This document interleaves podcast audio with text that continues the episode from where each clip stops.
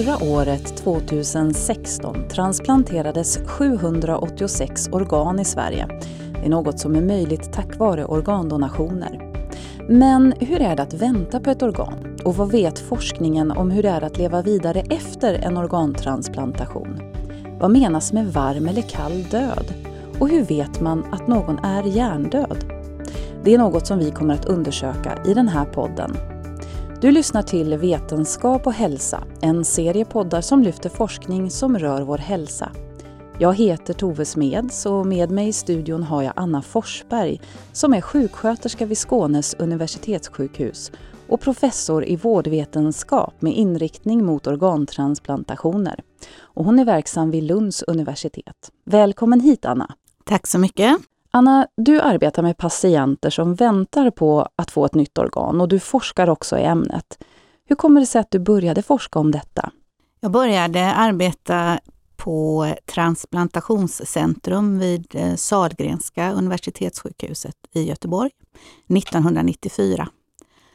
Och eh, jag blev omedelbart väldigt eh, intresserad och engagerad i den här typen av vård och i den här typen av patienter de är ju i en särskilt utsatt situation på många sätt. De står inför det faktum att de eh, har en livshotande sjukdom.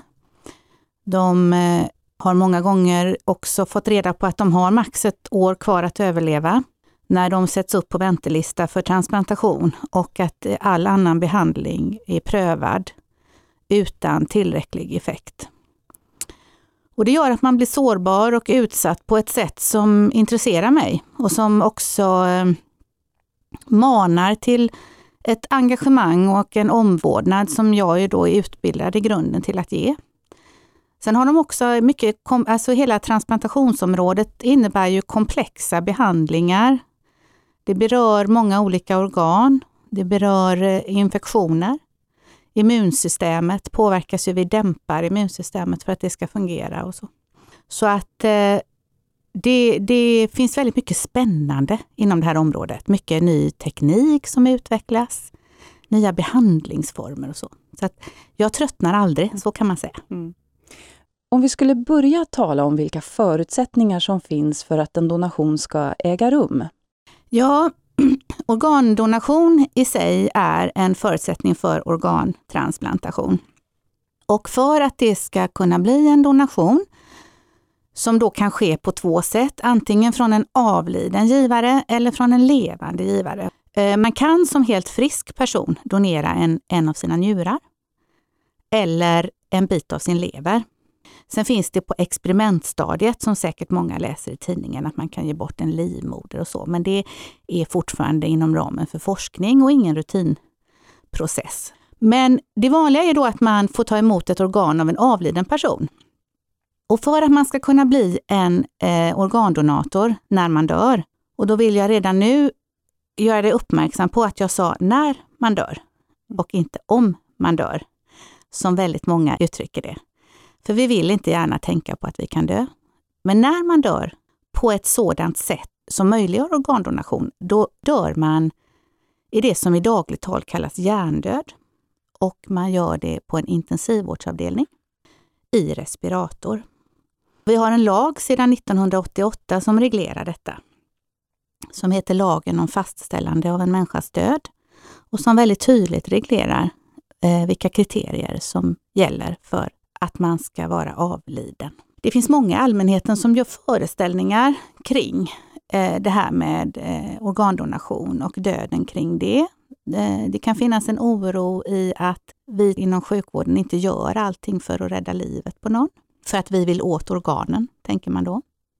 Man kanske är rädd att man konstaterar döden på någon som ligger i koma men som inte är avliden och så. Och jag brukar vara väldigt tydlig med det att det finns bara en död. Men man kan dö på lite olika sätt. Och lagen reglerar då detta genom att man pratar om indirekta kriterier för döden. Och det är det som de flesta av oss är helt bekväma med, nämligen att hjärtat stannar. Man kan inte känna någon puls. Eh, det finns ingen spontan andning. Man hör inga hjärtljud när man lyssnar på hjärtat.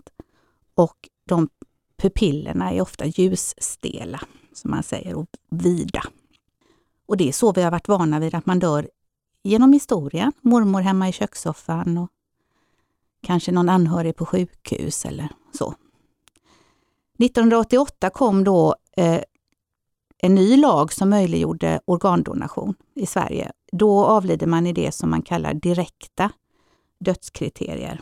Det måste då ske när man ligger i respirator inom intensivvården och hjärnans funktioner oåterkalleligt har fallit bort. Då prövar man det genom minst två kliniska neurologiska undersökningar. Då finns det sex stycken kriterier som ska vara uppfyllda. Man ska vara medvetslös utan reaktion på tilltal eller beröring eller smärta. Man ska inte ha några spontana ögonrörelser eller reaktioner i ansikte och käkar och tunga och svalg. Man har ofta ljusstela pupiller. Man har bortfall av en mängd olika reflexer. Man har ingen påverkan på hjärtrytmen när man trycker på olika ställen på kroppen och man har ingen spontan andning. Och Det man gör är också att man kopplar bort eh, respiratorn för att titta så att man inte har någon spontan andning. Det här gör man vid två tillfällen med två timmars mellanrum. Och sen kan man då konstatera att döden har inträffat. Och då blir den här personen en möjlig donator av organ. Och vad händer då? Vad gör man, vad gör man då? Då eh, pratar man med anhöriga om de finns, därför att man vill ta reda på den avlidnes vilja. I Sverige så har vi då en lag till som är väldigt viktig i det här Eh, fallet och det är transplantationslagen. Och den talar om då att vi utgår från att man vill donera sina organ om man inte uttryckligen har sagt motsatsen. Men oftast vet vi inte. Därför att av 9 miljoner invånare i Sverige så är det ungefär en och en halv miljon som har talat om var de står i den här frågan. Och Det innebär att vi får gå till anhöriga då och fråga om de känner till. Det är därför det är så viktigt att man gör sin vilja känd. Ja, varför, varför det? Förklara. Jo, därför att när döden inträffar på det här sättet sker det plötsligt och oväntat.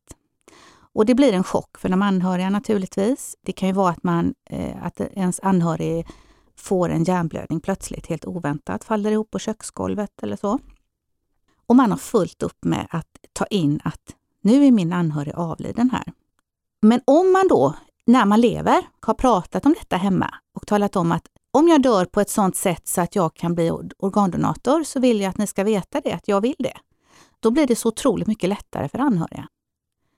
Och vi vet via forskningen idag att man som anhörig ångrar i princip aldrig att man har sagt ja. Utan det man ångrar är att man har sagt nej till organdonation. Alltså att de anhöriga har uttryckt ett nej eller ett ja till vårdpersonalen i den situationen då? Precis. För eh, även om vi utgår från att medborgarna är positiva till organdonation så har anhöriga möjlighet att lägga in så kallat veto, att säga nej. Då. Och då ska man ju vara medveten om det som anhörig, att man kanske riskerar att gå emot den avlidnes sista vilja. Men för de flesta eh, och det är väl dokumenterat i olika berättelser och studier, så innebär organdonation för de anhöriga en tröst i en annars väldigt svår och jobbig situation och ett slags ehm, meningsskapande kring att min anhörig lever vidare i någon annan. Att det som hände som för oss upplevs som väldigt meningslöst då i familjen som är drabbad kan ändå få någon slags mening. Du har tillsammans med en annan sjuksköterska och forskare, Petra Lilja Andersson, skrivit boken Leva vidare. Och den titeln, den rymmer mycket. Mm. Berätta.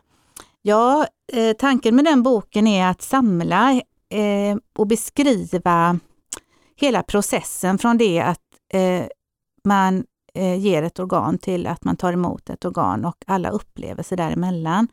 Och den forskning som jag i min forskargrupp har gjort och internationellt och hur det ser ut. Och eh, titeln Leva vidare handlar ju om det att på något sätt så när jag är död så kan mina organ leva vidare i någon annan. Och det är ju så fantastiskt att en organdonator kan rädda livet på upp till åtta andra människor.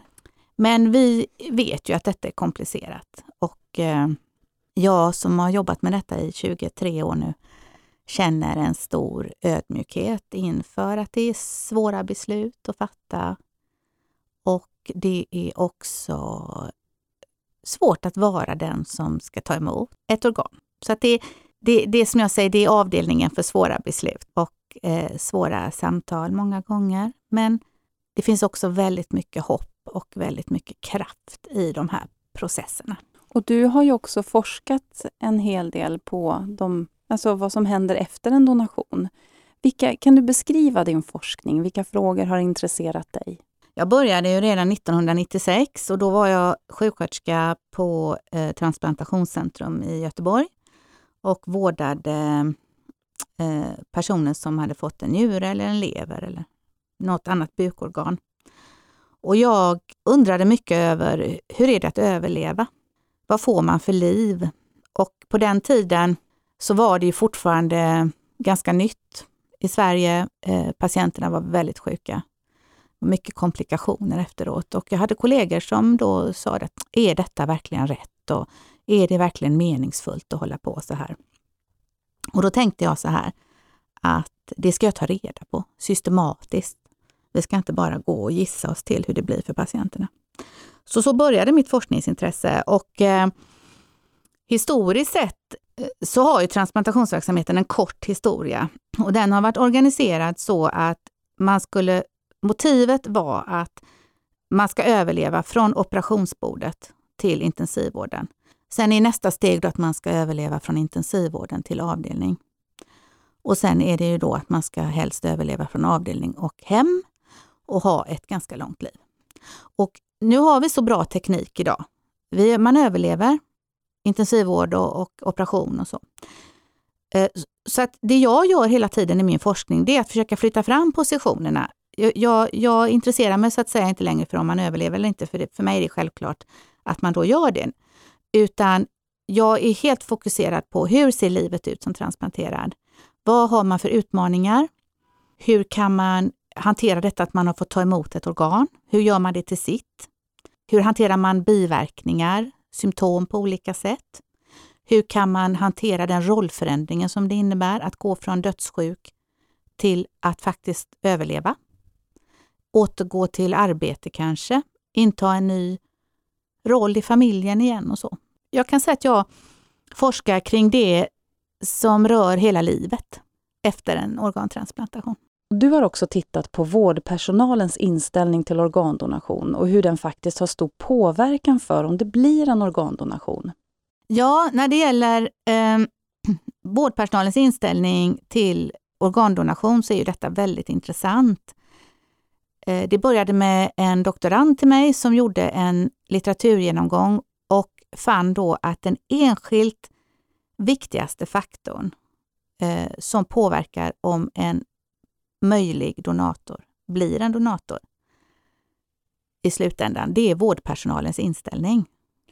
Och då blev vi oerhört intresserade av att gå vidare med det. Mm. Men menar du då sådana som är rent medicinskt tänkbara donatorer men som kanske inte har angett vad de vill? Mm. Som då har avlidit på ett sådant sätt inom intensivvården så att det är möjligt att ta hand om organen.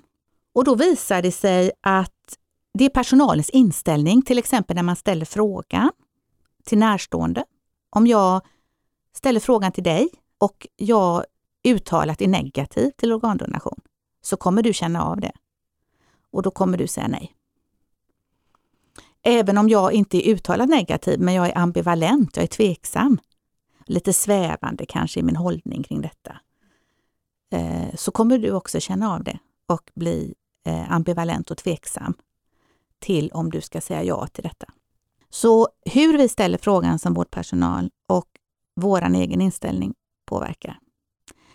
Det andra är att vi vet idag att vårdpersonal bygger gärna upp en föreställning. Och det här, nu pratar jag då om vårdpersonal inom intensivvården som står i de här situationerna med en organdonator. Vi vet att personal bygger gärna ofta upp föreställningen om att, att det är traumatiskt för närstående att få den här frågan om organdonation. Och man tänker att Åh, nu har ju deras anhöriga avlidit och, och inte ska vi väl lägga lök på laxen genom att ställa frågan om organdonation. Men genom forskningen om anhöriga så vet vi att anhöriga upplever inte det som ett extra trauma, utan de upplever det snarare som en tröst. För det värsta har redan hänt, nämligen att deras anhöriga dött. Det tredje vi fann, vi studerade alla intensivvårdssköterskor i Sverige. Då upptäckte vi att mer än hälften litar inte på att en person som är konstaterad död på det sättet jag beskrev alldeles nyligen med klinisk diagnostik, att den personen är död. Men det, hur, kan, hur kan det komma sig, att de har en annan känsla?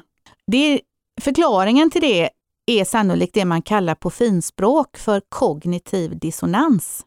Det var svåra ord. Det var svåra ord och jag ska förklara vad det, det betyder. Kognitiv dissonans betyder att det jag upplever med mina sinnen, det vill säga det jag hör, det jag ser, det jag känner, stämmer inte med det som min hjärna förväntas förstå. Det man ska veta då är att det är samma kognitiva dissonans som anhöriga drabbas av. Där man säger så här, jag ser liv, jag känner liv, jag hör liv, liv som inte finns.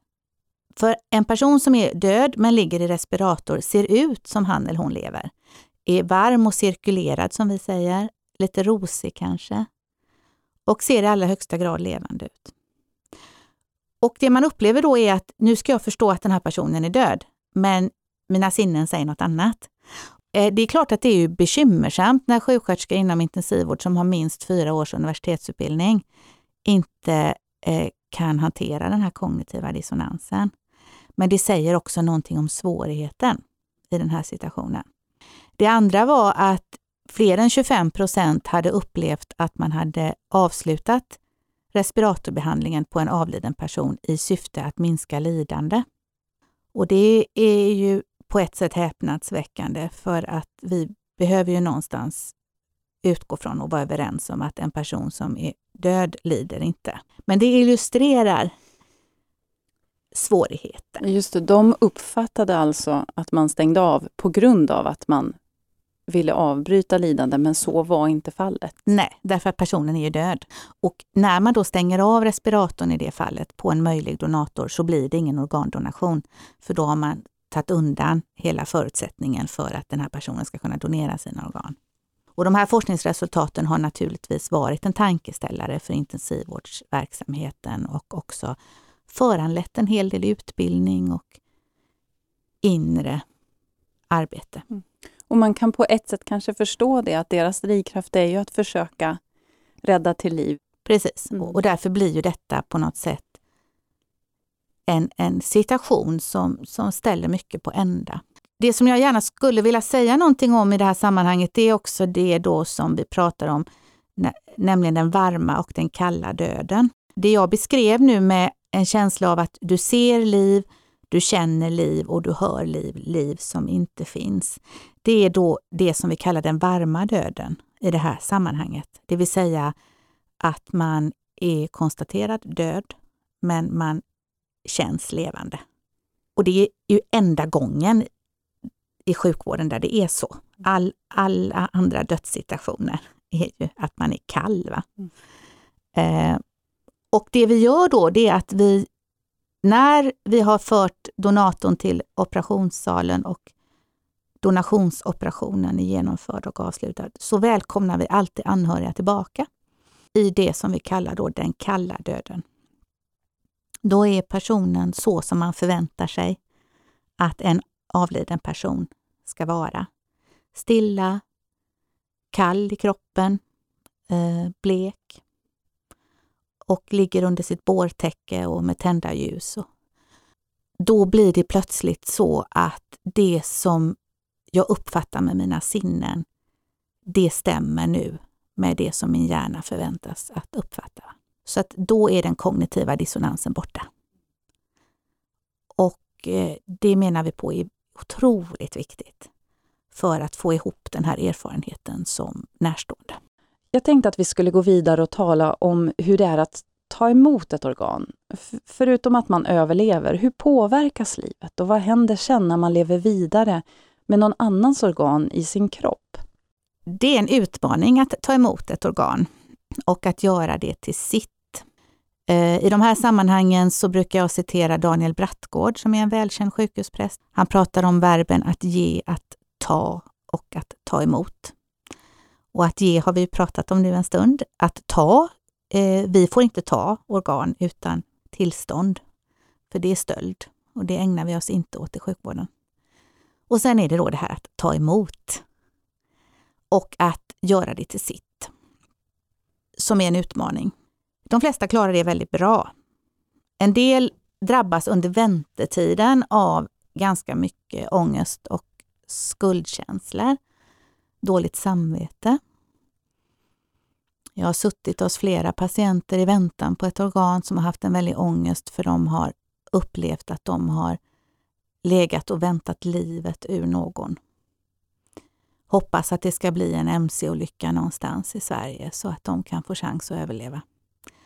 Och att det finns väldigt mycket skamkänslor förknippat med det. Det är inte så att någon dör för att du ska få leva. Utan den personen dör ändå. Och av det skapar vi en möjlighet. Efteråt kan man behöva upprepa detta, att det var inte så att någon dog för att du skulle få leva, utan den personen dog ändå. Och det kan räcka med det ibland för att kunna känna att nu tar jag emot mitt organ. Sen har jag mött personer som eh, döper sitt organ eh, i någon slags övergångsfas. En kvinna hon döpte sin lever till Jansson av alla efternamn.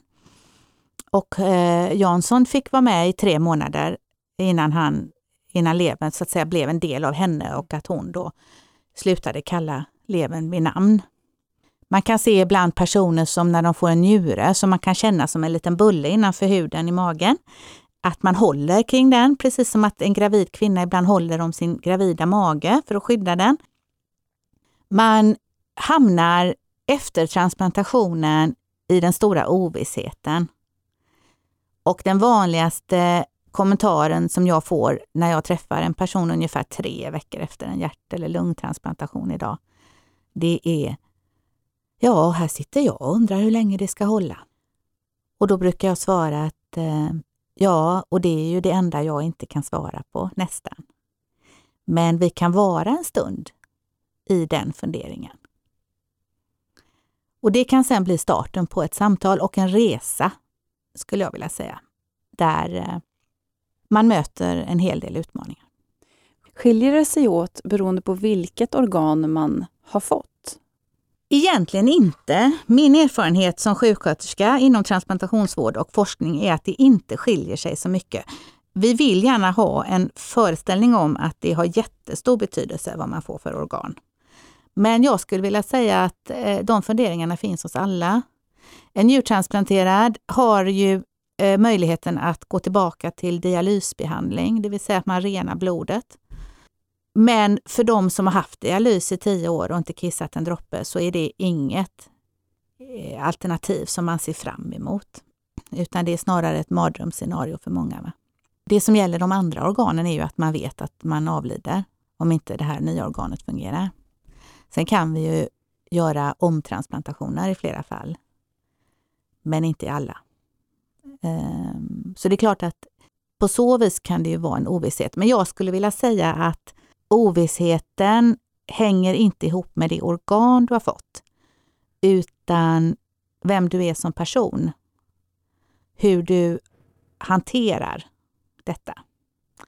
Det hänger väldigt stort ihop med vilka förväntningar du har och de bakslag och komplikationer som uppstår under resans gång och som kan skapa väldigt mycket oro och besvikelser. Och gör att du tvivlar på att detta ska gå. Så det är snarare rehabiliteringen och vad du råkar ut för under den plus din personlighet mm. som avgör.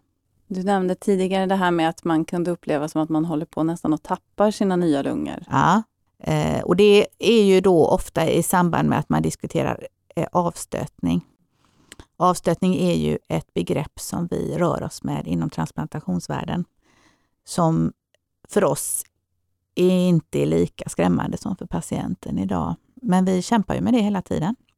alla människor har ett immunsystem och vi måste dämpa det immunsystemet för att man inte ska stöta bort sitt organ. Och det vi då vet idag via forskningen, studier som jag har varit med att göra, det är att man har som organmottagare väldigt olika uppfattning om vad en avstötning är. Sällan stämmer de uppfattningarna med det vi säger. Och ett sådant exempel är precis du, det du beskriver. När jag, jag brukar inleda utbildningen om avstötning på det här sättet och säger jag så här. Om jag säger avstötning, vad tänker du då? Och då får jag ganska ofta svaret ah, Ja, nej men då, då tänker jag att eh, bröstkorgen öppnar sig och så ramlar väl hjärtat ut. Eller lungorna ramlar ut. Jag hade förmånen att träffa en kvinna ett år efter sin levertransplantation för ett antal år sedan. Hon vågade inte simma bröstsim hemma i sin sjö. För hon trodde att när hon skulle simma ut så skulle eh, buksnittet, som ju var väl läkt, öppna sig som en dragkedja och levern skulle falla till sjöbotten. Det är ju föreställningar som vi naturligtvis måste jobba med. Är man, är man duktiga på att jobba med sånt? Det ser väldigt olika ut. Vad som avgör det, det är ju kompetensen hos den enskilda yrkesutövaren som patienten möter.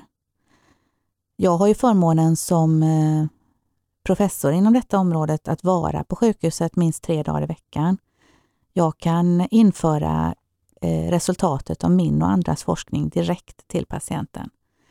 Men det är klart att om du är organmottagare och går på mottagning någon annanstans där man inte följer forskningen, där man inte är insatt i de här frågorna, så kanske man får en annan berättelse, en annan förklaring och man får inte frågan om hur man själv uppfattar avstötning på detta sätt.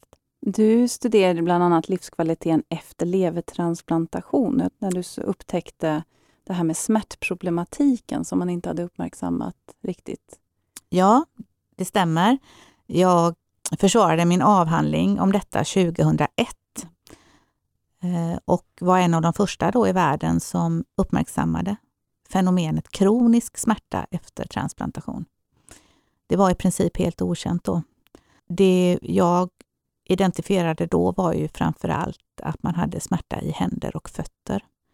Helt frikopplat från det organ man har fått. Vad berodde det på? Då visste man inte det. Idag vet vi att det beror på sannolikt de immundämpande läkemedlen som de får. De kallas kalcineurinhämmare. Det här är då ett syndrom som på engelska heter Calcineurin Inhibitor Pain Syndrome. finns inget bra ord på svenska för det. Och som kan ställa till betydande problem för vissa organmottagare.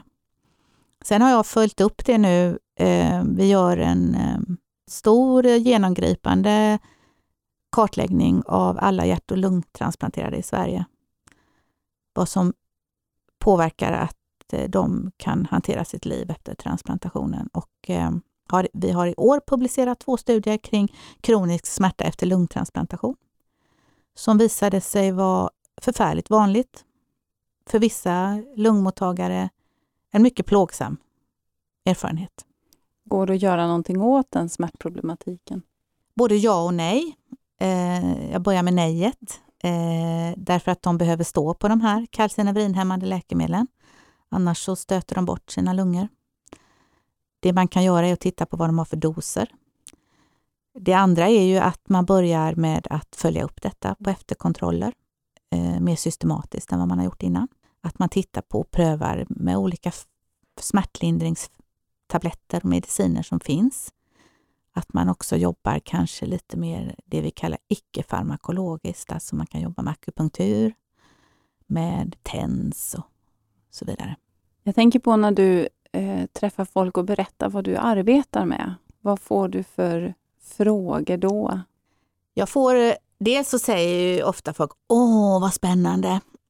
Och sen så säger de, jobbar du på operation då? För de vill ju gärna höra om hur det är. Jag har haft förmånen eh, att eh, få vara med om eh, transplantation av i princip alla olika organ. Och det är klart att det är ju en, en fullständigt unik erfarenhet att få stå och se in i bröstkorgen på någon annan människa när hjärtat börjar slå för första gången. Och det gör att jag blir väldigt ödmjuk inför det jag håller på med. Känner ett väldigt stort ansvar. Så kommer de här frågorna om döden förstås. Om det som vi pratade om innan, du och jag. När är man död och hur kan man vara säker på att man är död? När man eh, blir föremål då för frågan om organdonation. Och eh, min drivkraft är att jag blir lycklig av att göra gott. De guidelines, alltså de eh, medicinska och vetenskapliga riktlinjer vi har att hålla oss till, är väldigt tydliga med att syftet med organtransplantation är inte bara överlevnad, utan det är livskvalitet. Och för att man ska kunna åstadkomma livskvalitet för personer som är organmottagare så krävs det väldigt mycket kunskap. Och vi är inte där än. Därför att det har varit ett sånt otroligt starkt fokus på eh, medicinsk uppföljning, kontroll. Vi följer upp mycket med provsvar och biopsier, vävnadsprover för att se att de inte har en avstötning och så. Och Problemet med det är att vi också ger en illusion till organmottagarna att detta går att kontrollera. Eh, och då kanske vi till och med förstärker den här ovissheten som de har. Så att för mig är en drivkraft också att förflytta fokus från det som är helt självklart och som vi absolut ska ha, nämligen en god medicinsk uppföljning, till att eh, hjälpa till att leva. Det är ingen idé att bli organtransplanterad tycker jag om livet bara är ledsamt och saknar kvalitet och man har jättemycket biverkningar och man går och är rädd hela tiden för avstötning och inte vågar leva. Då, då på något sätt är syftet lite förfelat. Eh, och det var inte så, tror jag, organdonatorn ville att det skulle bli när han eller hon bestämde att jag vill ge bort mina organ om jag kan det. Så, så det kan man säga är drivkraften för mig. Att göra gott och att bidra till att de här personerna efter en väldigt, väldigt utmanande resa i livet faktiskt får ett gott liv. Kan jag vara en liten del i det så är jag ödmjukt tacksam. Du har ju arbetat ett tag eh, med, med de här frågorna. Och jag tänker lite grann på att utvecklingen, hur den, hur den har sett ut under den tiden, vad som har hänt inom området. Om du jämför med när du började och vad man kan göra nu det har ju varit en enastående utveckling under de 25 åren snart som jag har varit med. Eh, dels eh, tech, kirurgtekniskt förstås, så kan man ju eh, åstadkomma mycket bättre resultat med de transplantationer man gör. Den medicinska behandlingen har ju förändrats. Man har förfinat den immundämpande medicineringen så att den inte ska ge så mycket biverkningar. Fortfarande ger den ju biverkningar men, men man försöker hela tiden att förfina detta så att man inte belastar i kroppen för mycket. Överlevnadssiffrorna har ju blivit bättre. Människor överlever på ett annat sätt. Vi vet idag vad som krävs för att man ska återgå till ett normalt liv. Ett socialt liv tillsammans med andra. Och hur man eh, rehabiliterar sig, vad man eh, kan behöva för stöd under rehabiliteringen och vilka professioner som kan bidra med det på ett bra sätt. Så att det har ju varit en enastående utveckling på det sättet. Men fortfarande så står vi inför väldigt många frågetecken kring det som gör livet värt att leva för de här människorna. Och hur vi ska kunna som hälso och sjukvård och som rikssjukvård som det kallas, kunna eh, bistå med det på olika sätt. Tack så mycket för att du tog dig tid att komma hit, Anna. Tack så mycket. Vi nämnde inledningsvis att 786 personer fick ett nytt organ förra året i Sverige. Det är en siffra som är för låg för att möta alla de som står uppsatta på väntelistan för att få ett nytt organ. I anslutning till den här podden så har vi på vår hemsida vetenskaphalsa.se lagt mer information för dig som vill läsa mer om organdonationer och transplantation. Och om du känner att du vill meddela din inställning till organdonation så kan du göra det på Socialstyrelsens hemsida socialstyrelsen.se donationsregister. Framöver i den här poddserien kommer vi att få möta Stig Sten, seniorprofessor vid Lunds universitet som varit verksam på Skånes universitetssjukhus. Stig Sten är känd för sina innovationer inom transplantationsområdet. Men det avsnittet kommer som sagt framöver. Till dess så säger vi tack för att ni lyssnat på oss den här gången.